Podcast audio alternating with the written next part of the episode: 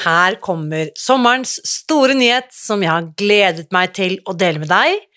Mai Katrin Ulstein skal skrive en doktorgradsoppgave om Spis deg fri, og nå trenger hun din hjelp.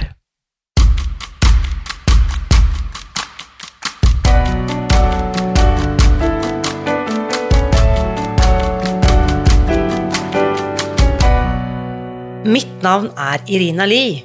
Jeg er journalist og forlegger, gründer og sosial entreprenør. I 2015 spiste jeg meg fri fra overvekt og fedme etter å ha slitt med vekt, kropp og følelser i nesten 30 år. Etter at jeg knakk koden, ga jeg meg selv et nytt oppdrag – å dele denne kunnskapen med alle som trenger det. I denne podkasten kan du derfor høre hele lydboken Spis deg fri. Den finner du ved å bla deg tilbake i arkivet og lytte til første sesong. Hver uke inviterer jeg nå gjester som gir deg påfyll til hodet, hjertet og magen. For min visjon er å endre Helse-Norge, og det får jeg ikke til alene. Du bidrar ved å abonnere på podkasten, skrive en omtale i iTunes og tipse meg om hvem jeg burde invitere hit. Da setter vi i gang med ukens episode. Du vet, noen drømmer er så hårete at det nesten ikke er mulig å tro at de kan gå i oppfyllelse. Og så skjer det likevel. Denne sommeren har altså Mai Katrin Ulstein fått klarsignal til å gå i gang med sitt doktorgradsarbeid om fedme og overspising, med utgangspunkt i Spis deg fri-metoden. Og hvordan du kan bidra til dette livsviktige forskningsarbeidet, det skal du få høre mer om i ukens episode. Her er ukens gjest. Kjære Mai Katrin, jeg må si velkommen tilbake til podkasten. Jo, tusen takk. Nå er det en stund siden vi snakket sammen eh, i podkastsammenheng, men eh, det har skjedd masse siden i løpet av dette Ja, det er vel et år siden sist, omtrent? Ett og et halvt. Jeg sjekka i går at det var faktisk oktober 2020. Det var oktober 2020, ett og et halvt år siden, altså tiden flyr. Um, siden ja. den gang, og grunnen til at jeg nå Den utløsende årsaken til at jeg nå har invitert deg tilbake, er at du også er en av de syv modige kvinnene som deler din historie i boken Restart, som ble lansert nå i juni. Mm. Eh, vi må snakke litt om det, Mark-Katrin, for det er så ja, eh, ja, det er så rått at du både setter ord på det og, og deler din historie. Så fortell litt om eh, Først kanskje hvorfor du takket ja til invitasjonen om å, om å dele historien din i boken Restart? Nei, første innskytelsen min da jeg fikk eh, forespørselen, var at eh, hva, jeg kanskje skilte med at jeg nådde verken målvekt eller 20 kilo pluss i, i vektopp. Så jeg tenkte sånn, ja, suksesshistorie. Men så er det når vi snakker om det så mange ganger i møtesammenheng, at det, det, er mange ting som ikke kan måles i, i kilo. Uh, og jeg mm. tenker at hvis, hvis min historie kan inspirere noen eller være til hjelp for noen, så vil jeg veldig gjerne det.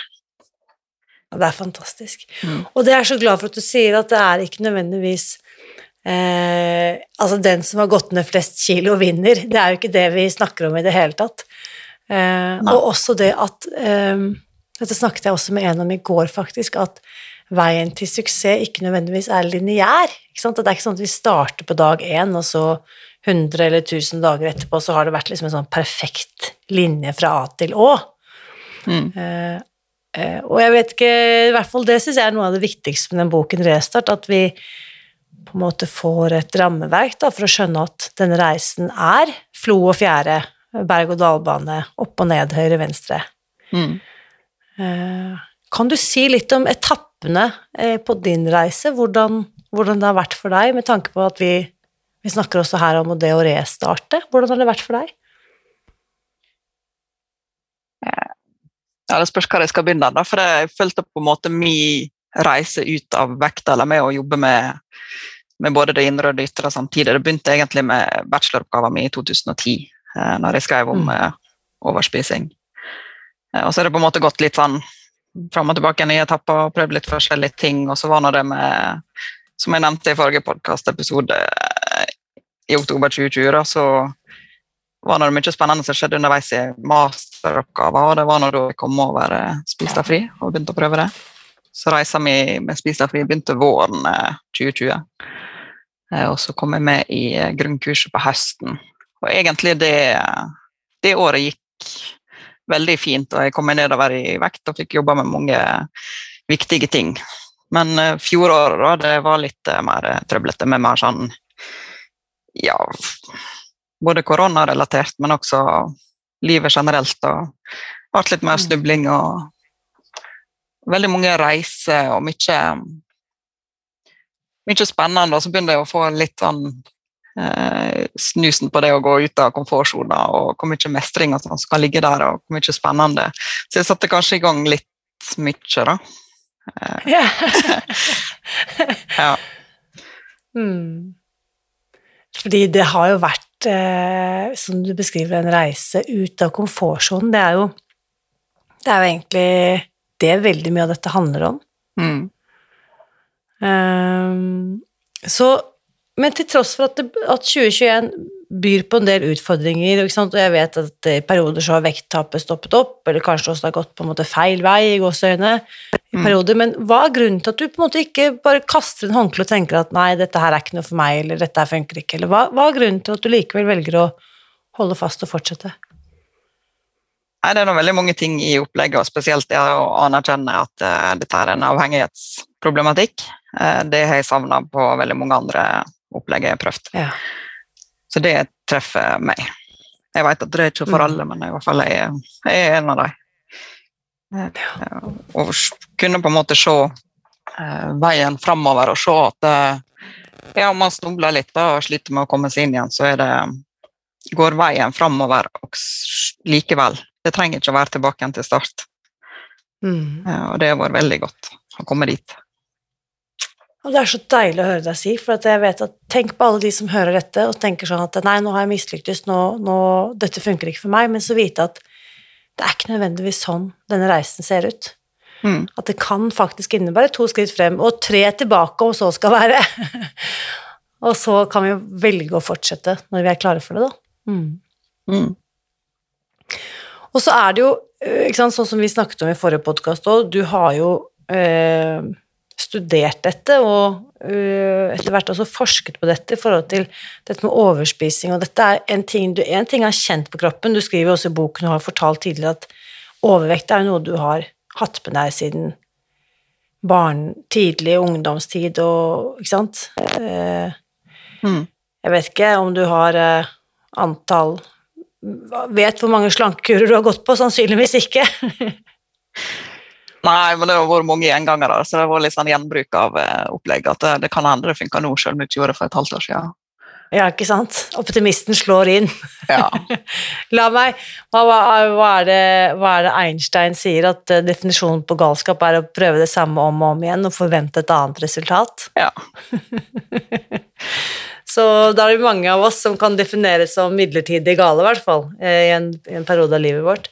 ja. Men der er det et annet ordtak som sier at de galne har det godt. da. Jeg støtter meg litt på det av og til. Ja, det er veldig bra. Det er sant. Så eh, du nevnte jo bacheloroppgaven din i 2010, ikke sant? Hvor, du, hvor du ser på dette med overspisingslidelse. Og fortell litt videre da, eh, for de som ikke kjenner bakgrunnen din, hva er det du går videre på i forhold til studiene og det du ser på også videre i bacheloroppgaven og masteroppgaven din? ja, I bacheloroppgaven gjorde jeg en litteraturstudie og så på eh, sammenligna noen eh, selvhjelpsbøker. Eh, så var det, og da brukte vi mye engelske begrep, for jeg, overspising og overspisingslidelse var ikke så innarbeida her.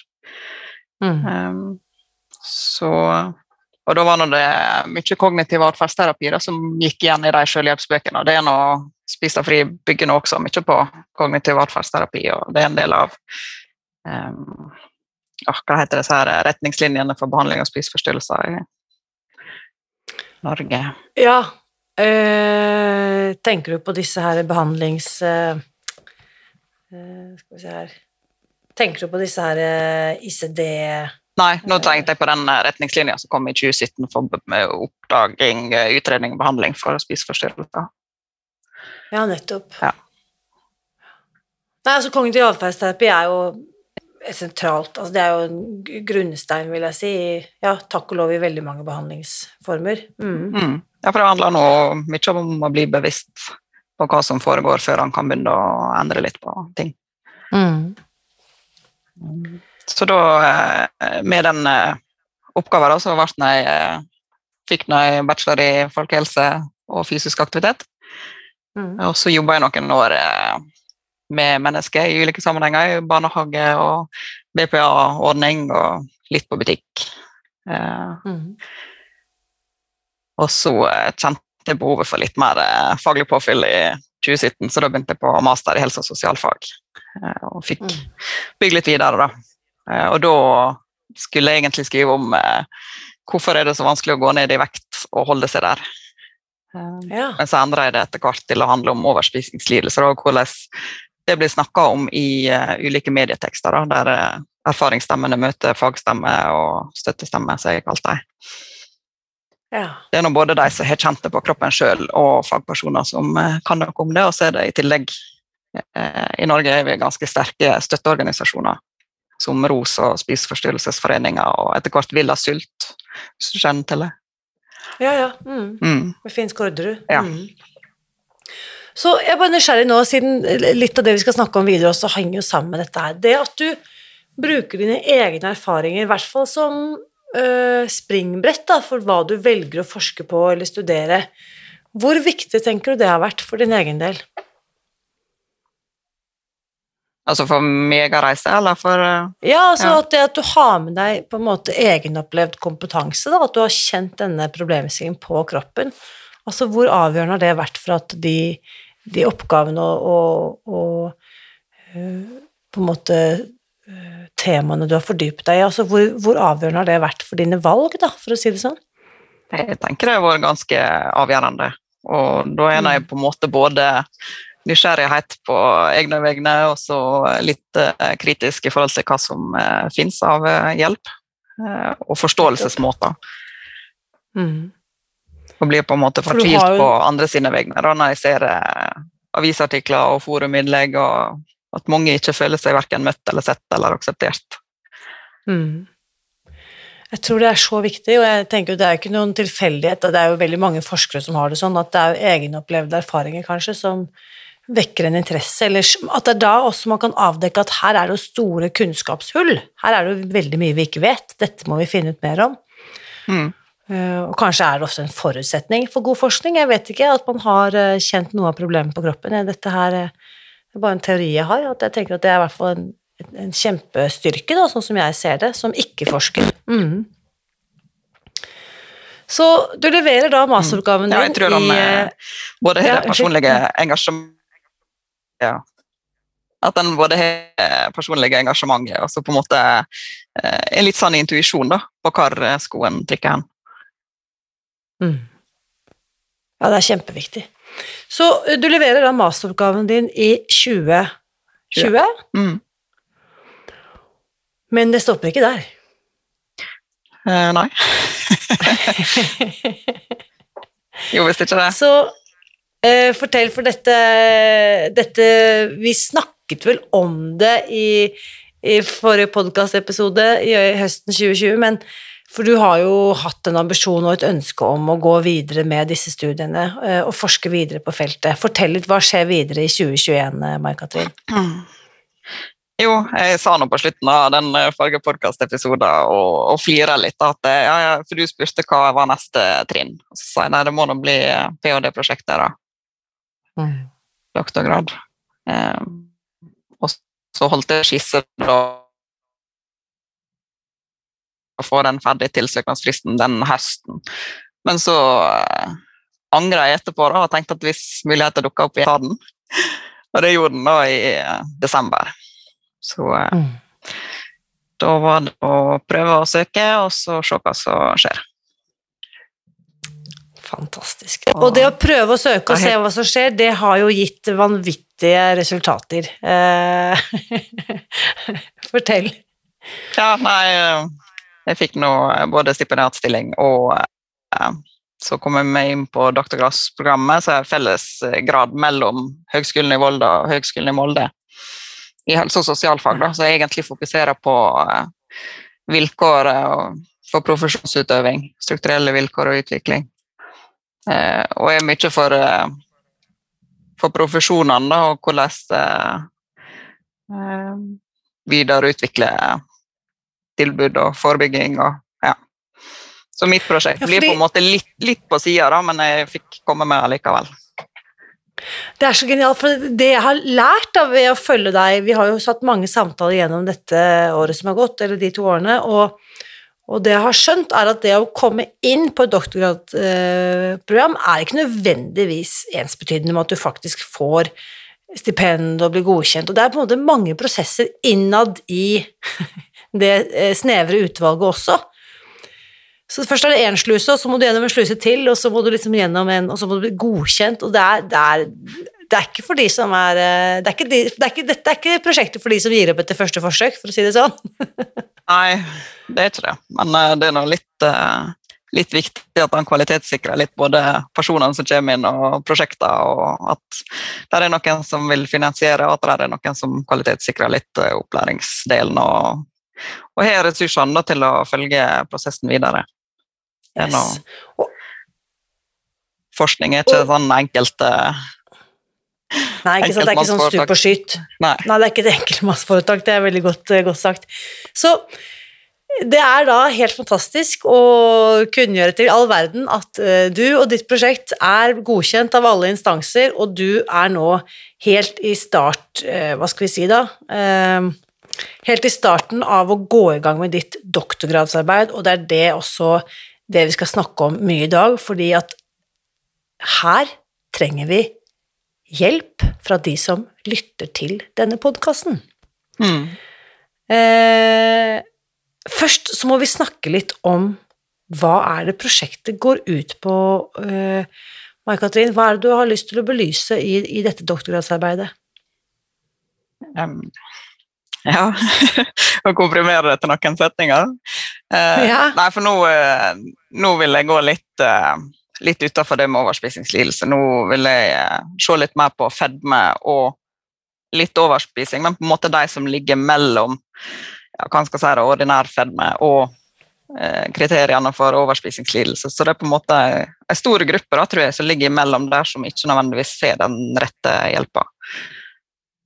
Um, Nettopp. og så det det Og bare, for, folk bare for å skyte inn litt eh, tall her, så snakker vi altså om eh, dette, De siste tallene er fra 2017, hvor Folkehelseinstituttet sier da at det anslår at omtrent én av fire menn og omtrent én av fem kvinner i alderen 40 til 45, de har fedme, dvs. Si en BMI over 30, Mm. og at andelen øker. Ja. Så dette er snakk om en stor potensiell pasientgruppe, eller i hvert fall en stor andel av befolkningen, mellom ja, ikke sant, eh, 20 og 25 prosent av oss har fedme. mm. Mm. Ja, og flere studier har vist at det til, eh, til større fedmen er til større sannsynlighet er det for at han enten har eller utvikler problemer med overspising. Um, og da eh, kan en oppleve økt symptomtrykk, som det heter, hvis en bare får livsstilsbehandling, som ofte er vanlig eh, inngangsport for eh, fedme og overvekt.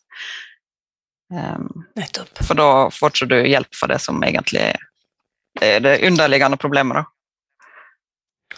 Akkurat. Mm. Så, eh, men jeg tror det er veldig Jeg, jeg syns det er kjempespennende å høre at du har på en måte utvidet fokuset bare for dette. Det er ikke nødvendigvis alle som har påvist fedme, som heller har innsett, kanskje, eller vet at de selv faktisk egentlig sliter med en overspisingslidelse. At det kan være så subtilt at de rett og slett ikke For jeg tenkte første gang jeg hørte om fenomenet binge-eating eller overspising, så var det sånn folk som tømmer alt av skap og spiser kjøleskapet tomt, og holder på å spise til klokken to på natten.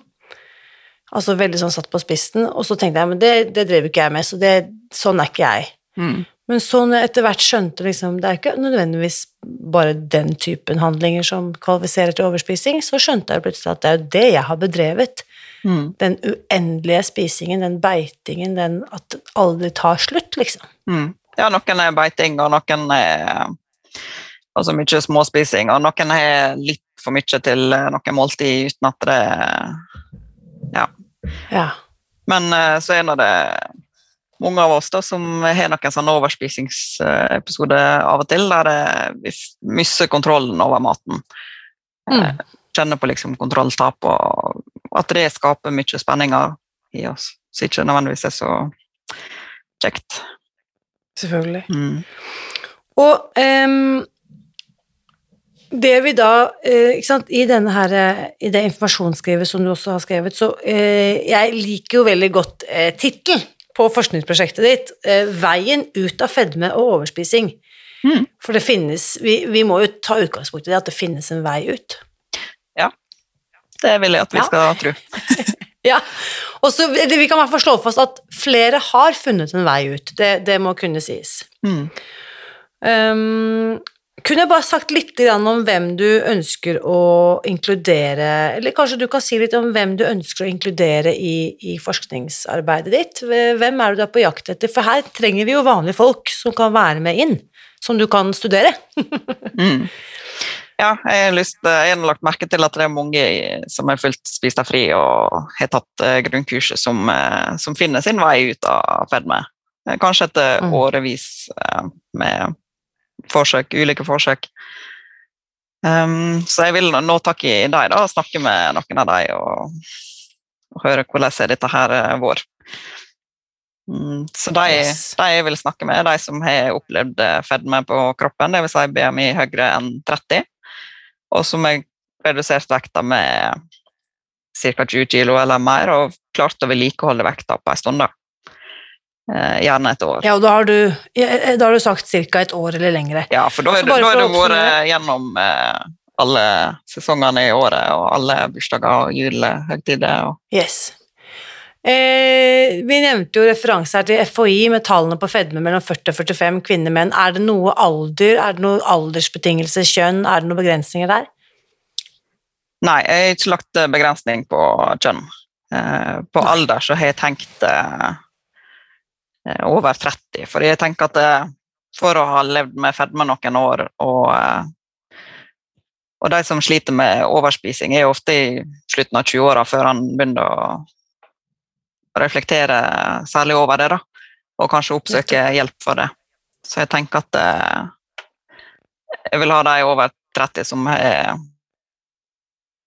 Så eh, nå hadde vi et lite strømbrudd, derfor forsvant, eh, forsvant et øyeblikk, Mark-Katrin, men det vi kan konkludere med at de du da gjerne vil inkludere i dette forskningsprosjektet ditt, det er da mann eller kvinne som har deltatt på grunnkurset i regi av Spis deg fri, på et eller annet tidspunkt. mm, som har en vekthistorikk med over 30 i BMI, det vil si at på et eller annet tidspunkt i livet har vært i kategorien fedme, og som i løpet av reisen sin har gått ned 20 kilo øh, eller mer, og holdt da denne vekten i minimum ett år pluss, mm.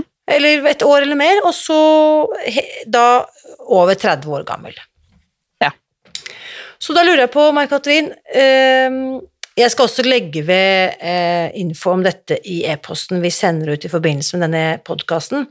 Men de som nå umiddelbart kjenner at yes, dette vil jeg bidra til, dette er kjempeviktig arbeid, Ja, hvordan kan de komme i kontakt med deg, Mark-Katrin? det hakker bare litt lyden med det.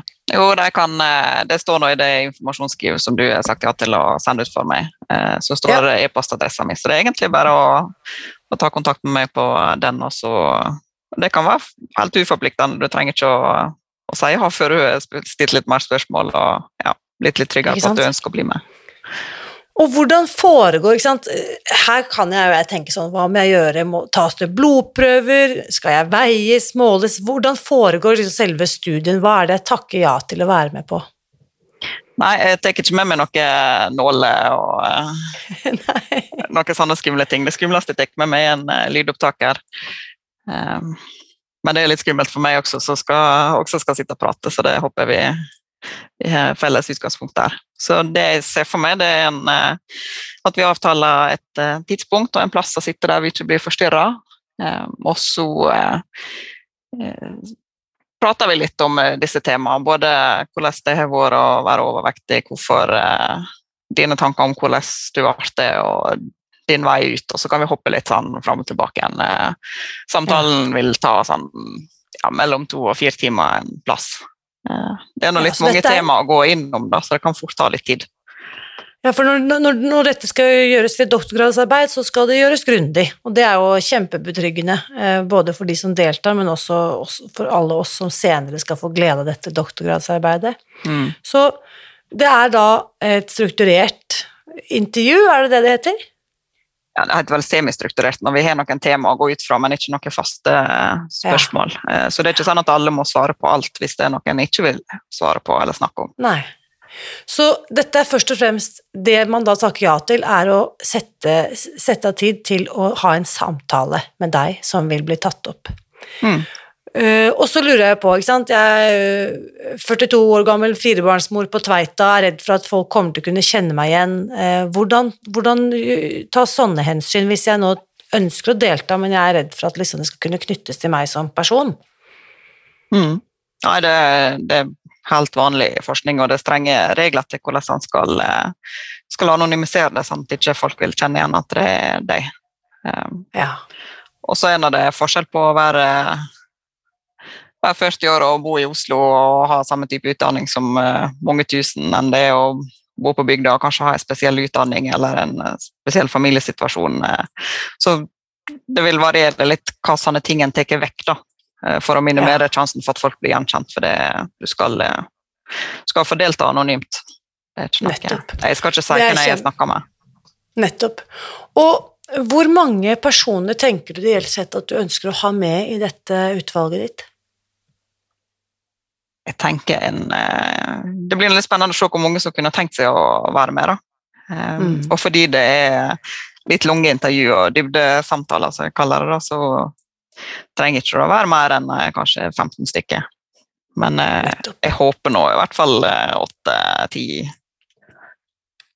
Ja, men da vet vi sånn cirka hva slags Og jeg, jeg tenker på alle de Altså, jeg, nå, jeg, jeg begynner å få en sånn lang liste med navn og ansikt. Jeg bare og jeg håper at hun melder seg på, og jeg håper at han melder sin interesse, og de må i hvert fall være med, de der borte der òg, ikke sant.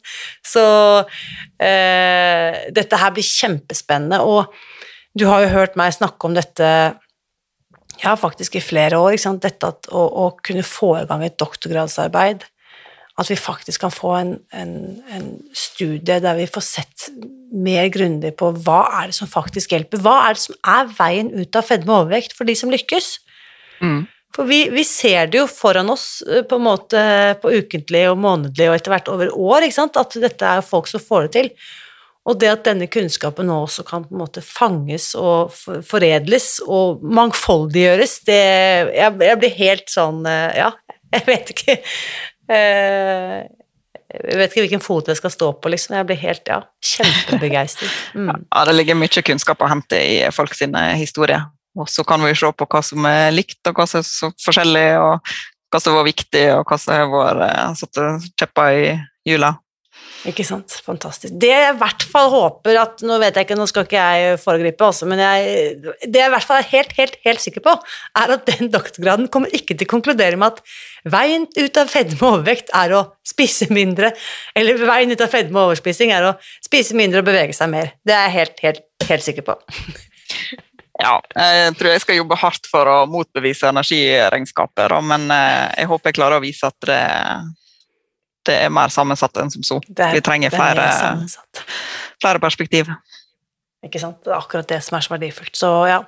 Eh, Jeg har allerede begynt å tenke, for dette skal jo da eh, Disputasen som en doktorgradsavhandling avsluttes med, den skal jo da være et eller annet sted på Vestlandet, enten Volda eller Molde, da, tenker jeg. Ja. Så, og jeg vet at det er en offentlig eh, happening, eh, Mark-Katrin, så bare vit at der kommer jeg til å sitte på første rad. Da vet jeg ikke hvor langt eh, frem i tid er vi da. Nei, forhåpentligvis i slutten av eh, 2024. Ja, Men, så nå eh, når dette spilles inn, så er det sommeren 2022, så, eh, så du går i gang med dette, disse intervjuene allerede til høsten, er det sånn å forstå? Ja, jeg tenker å gjennomføre først ett, og så teste litt eh, opplegget mitt, om det fungerer, eller om jeg må justere litt, og så tenker jeg å ta videre intervju utover høsten. Fantastisk. Det er nå alt etter hva tid det passer for eh, folk. Ja. Mm. Nei, jeg bare håper at uh, alle som hører dette, uh, enten kjenner selv at yes, dette skal jeg melde meg på, eller kanskje at de kjenner noen, at de har en mor eller søster eller bror eller onkel som har fulgt dette opplegget og tenker at yes, hans kompetanse eller hennes erfaringer må med i dette doktorgradsarbeidet. Nå er sjansen. Nå går toget. Så det er eh, fantastisk. Eh, kjempespennende.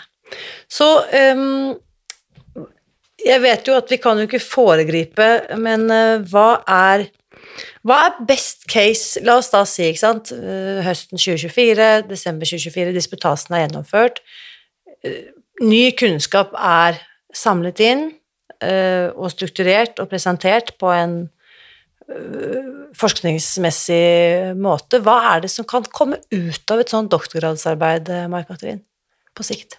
Ja, det jeg håper nå å bidra til at vi får større innsikt og, innsikt og forståelse. Mer forståelse, for der føler jeg vi har litt å gå på. Eh, og så ønsker jeg jo å, å være med og sette fokus på dette her, og at vi, eh, vi videreutvikler behandlingstilbudet som eh, er, og at vi ikke minst eh, får mer forebygging på banen. Det blir nå sagt Yes. at det skal forebygges eh, for både overvekt og også for psykiske lidelser, men det er ikke så lett materie. Ja. Nei, ikke sant? For du vet, med forebyggingstiltak så vet en ikke om det virker før lenge etterpå. Og så var det hva virker det? Hva var summen av Ja. Men eh, vi, vi må, må bli flinkere både på hva behandlingstilbud som er tilgjengelig, for at folk er forskjellige. Og så må vi ha forebygging tidlig. Ja, og bare for å snurpe en sekken her, i forhold til alle de historiene som er delt i den restartboken òg, vi vet jo hvor mye, ufattelig mye lidelse, og hvor mange bortkastede år, og hvor mye tapt energi som går ned i dragsuget på feil behandling, da. Mm. Så det å kunne bli møtt av et kompetent helsevesen og kompetent helsepersonell som har større forståelse og innsikt om hva dette faktisk dreier seg om, det ville vært en befrielse for så mange. Mm. Mm. Ja, og en ting er nå helsepersonell og helsevesenet, men jeg tenker nå også på samfunnet generelt at det er, det er ikke lett å gå rundt med en litt store kropp. Du blir fort tillagt egenskaper som du ikke ønsker å bli tillagt. Yes. Ja, det er jo, ikke sant, dette er jo, som vi har sagt om mange ganger, fedme er en sykdom vi bærer synlig på kroppen. Ja. Og alt det stigma som det medfører. Mm. Nei, men fantastisk, Mai-Katrin. Da er eh, eh, det, tok, det tok Jeg har jo drømt om eh, å få i gang en doktorgrads eh, Å kunne bidra til en doktorgrad i, i, i fem år, og nå Nå skjer det faktisk. Nå skjer det. Så jeg kan bare si allerede at du kommer til å bli invitert hit tilbake flere ganger. Dette må vi snakke mer om. Jeg vet ikke om det er mulig å si så mye underveis i et arbeid hva som pågår og sånn, men vi må i hvert fall ha litt drypp med noen oppdateringer. Det, det går sikkert an. Tror du ikke vi kan få til det? Jo, det tror jeg vi må få til. Ja. Mm. Fantastisk. Og de som nå sitter litt på gjerdet og lurer på Ja, dette hørtes jo litt spennende ut, men jeg er litt usikker om jeg liksom skal gjøre dette. Er det noe Jeg må bare stille et teit spørsmål. Er det noe kompensasjon? Får man, eh, får man noe for å være med på et sånt intervju?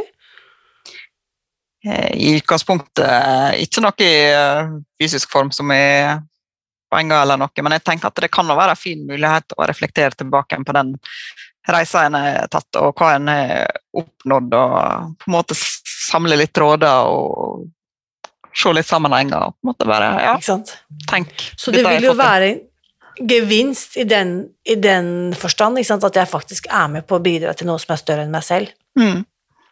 Eh, og så kanskje en kopp kaffe eller noe sånt når dere møtes. Ja, det må vi få til. Ja. Nei, men ehm, så, så det, er ikke, det er ikke nødvendigvis eh, fame and fortune som skal eh, Det er ikke de nødvendigvis eh, som rekrutteres her, men det, vit at du bidrar til å bringe forskningen et stort skritt fremover ved å være med på doktorgradsarbeidet til eh, Mai-Katrin. Altså jeg, jeg tar denne gleden så innmari på forskudd. Jeg, jeg er helt yr av forventning og, og ja, eh, dette her blir rett og slett stort. Dette er en milepæl. Dette er et, eh, en stor, stor dag. Og da, jeg blir jo litt sånn euforisk. Jeg tenker også på alle de menneskene som skal få glede av Altså fremover, mennesker vi ikke kjenner ennå, ikke sant. eh, mennesker som for hva vet jeg ikke er født ennå, som skal få glede av at denne kunnskapen også i, i større grad kommer inn i forskningen. Da. Mm. Mm. Jo, eh, så eh, bare sånn, det var det, her sporer jeg av mitt eget spørsmål, Mai-Katrin, for de som er litt usikre og tenker at ja, kanskje dette kunne vært noe for meg, men jeg er litt usikker, hva vil du råde dem til å gjøre? Nei, jeg vil nå at de skal spørre meg, da. Om, eh, og ikke tenke at noen spørsmål er dumme, og bare spørre jeg er sånn og sånn, kan jeg, kan jeg delta? Eller, ja. Ja. Og mer om hva det innebærer. Og, ja. Eh, Vi har jo også denne, hvis, nå bare kom jeg på en idé, eh, vi har jo denne åpne Facebook-gruppen som heter Spis deg fri, som er laget i forbindelse med podkast, hvor på en måte samtalen etter ukens episode fortsetter. Kunne vi ikke også der, i kommentarfeltet der, hvis noen lurer på noe, så kan de, så kan de eh, stille noen spørsmål der, så kan vi følge dem opp der også. Er det, en, er det et alternativ? Jeg tenker at han skal prøve å unngå det, for da blir det kobla til eh, navn og, og spørsmål. Så jeg Ja, tenker hvis, hvis han vil bli med, da, så er det kjekt å kunne få være anonym.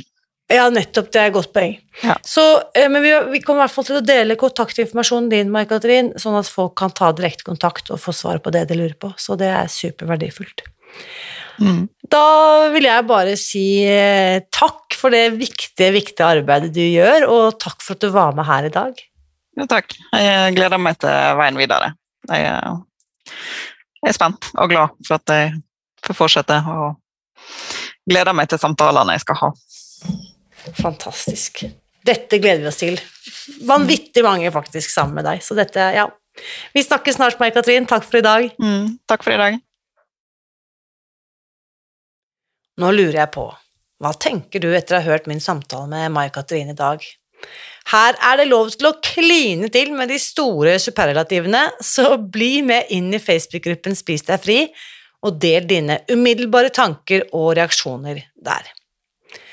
For hvis du har fulgt denne podkasten en stund, så vet du at min visjon er å endre Helse-Norge. Og det som skjer nå, at personene som lykkes med å spise seg fri fra fedme og overspising, faktisk blir forsket på. Det er kanskje et av de største og viktigste skrittene vi har tatt i den retningen så langt. Og du kan altså få mer informasjon om dette doktorgradsarbeidet ved å kontakte Mai-Katrin direkte.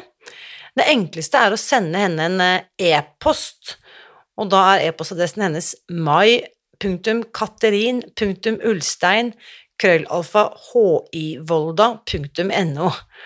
Uh, og den uh, e-postadressen finner du også i episodebeskrivelsen til ukens episode. Det enkleste er helt sikkert å bare klikke på den.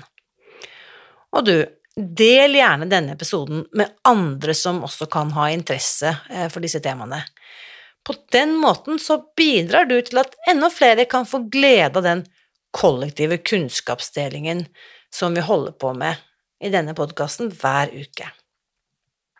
Ja, jeg må bare si, altså, dette er stort, skikkelig stort faktisk, og bare tanken på at vi nå kan bidra til en eh, doktorgrad, det gjør meg skikkelig stolt og rørt. Mm. Og det gir meg også en påminnelse om at vi alltid må tørre å drømme stort, for eh, drømmer går faktisk i oppfyllelse. Og uansett hva du drømmer om denne sommeren, så vit at jeg heier på deg. Alltid.